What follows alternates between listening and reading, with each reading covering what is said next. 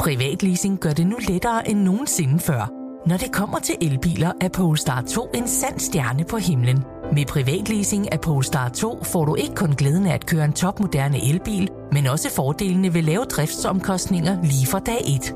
Du slipper for bekymringer om vedligeholdelse og service, for alt er inkluderet i den faste månedlige pris. Oplev friheden ved privatleasing af en Polestar 2. Besøg polestar.com.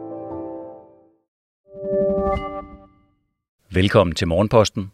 Berlingskes nyhedsoverblik.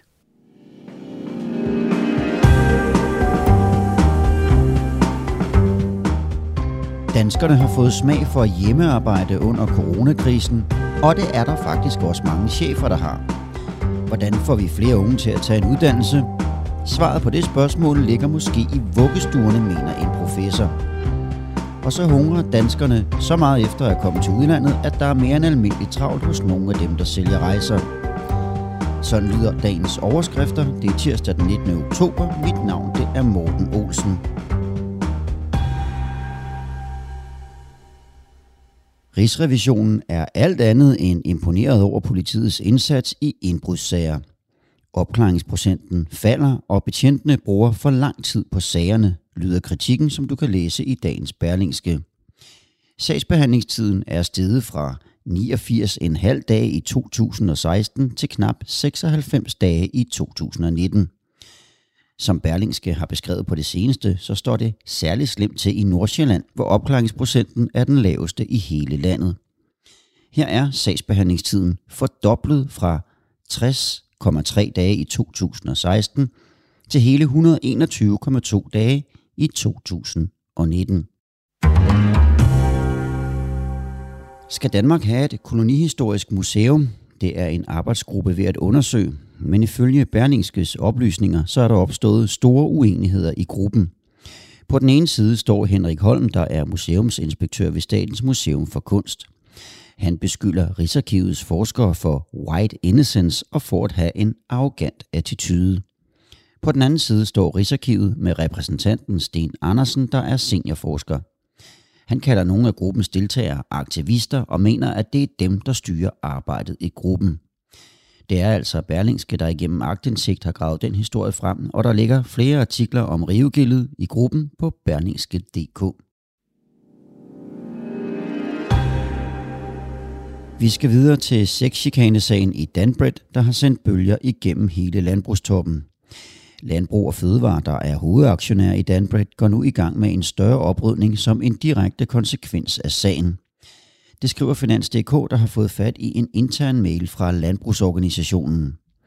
Den har Landbrug og Fødevares konstituerede topchef Flemming Nør Petersen som afsender, og han skriver, Succesfulde, moderne organisationer og virksomheder er kendetegnet ved, at de er i trit med tiden og det omgivende samfund. Det har vi ikke været gode nok til. Vi skal i langt højere grad være i samklang med vores tid, skriver han. Og så skal vi til historien om, at mange danskere har fået smag for hjemmearbejde under coronakrisen. Og det er der faktisk også en del topledere, der har, som du kan høre i det her uddrag af en lydartikel fra Berlingske.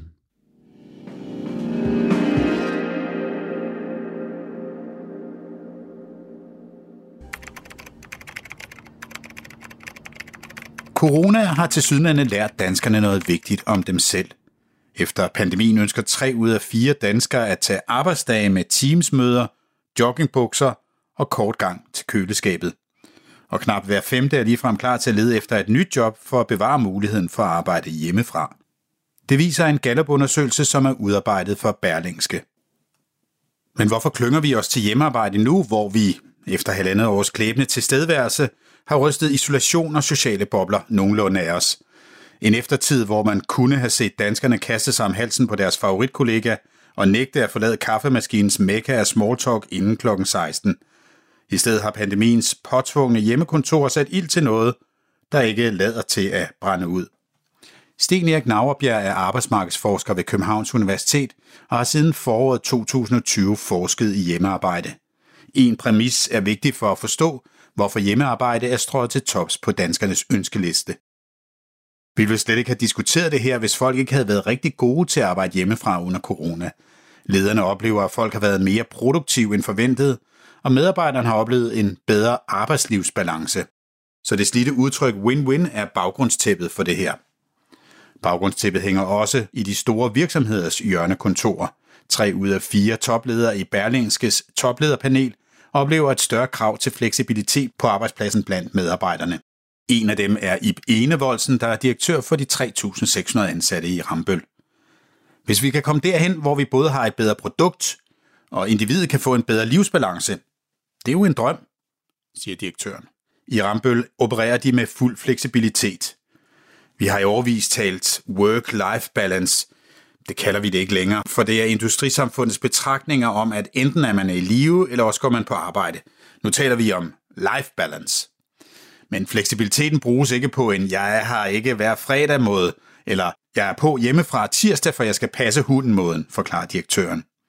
For hjemmearbejde skulle ikke være en medarbejderrettighed, lærte Rambøl. Du kan have en dag med to teamsmøder med USA, og så er det oplagt at tage den hjemmefra. Og en anden dag kan projektlederen kalde ind til fysisk møde, og så er det projektets tag, der gælder. Vores virksomhed er ikke at arbejde hjemme. Det er vores løsninger og samarbejder. Du kan lytte til artiklen i sin fulde længde på berlingske.dk eller læse den i dagens avis. Hver femte dansker på 25 år har ikke fuldført en ungdomsuddannelse, og det skal der gøres noget ved. Og en løsning kan være, at man inddrager både vuggestuer og børnehaver i arbejdet, det skriver børsen.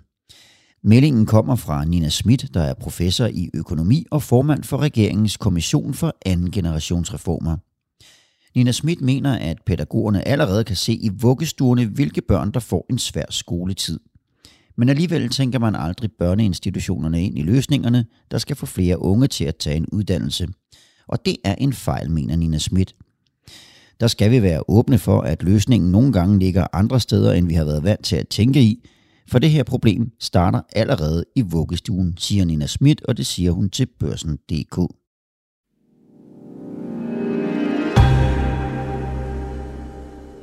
Corona er ved at være et overstået kapitel, og nu vil danskerne for alvor ud at rejse igen. Det skriver Finans.dk. Hos Jysk Rejsebyrå i Aarhus mærker de danskernes rejseløst så meget, at de er nødt til at sige nej til danskere med udlængsel.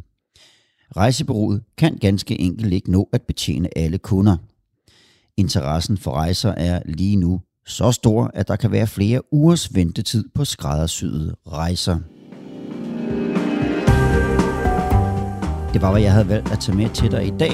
Tak fordi du lyttede med til Berlingskes Morgenposten. Hvis du har mod på mere podcast, så udkommer der en helt frisk version af Pilestræde i eftermiddag. I morgen der er jeg klar med en ny omgang Morgenposten. Ha' en rigtig god tirsdag. Podcasten er sponsoreret af EGN. Bliv en del af en professionel netværksgruppe med folk, der forstår dig. De kan hjælpe og inspirere dig gennem dit arbejdsliv, så du hurtigere finder de gode løsninger. Find dit nye netværk på egn.dk.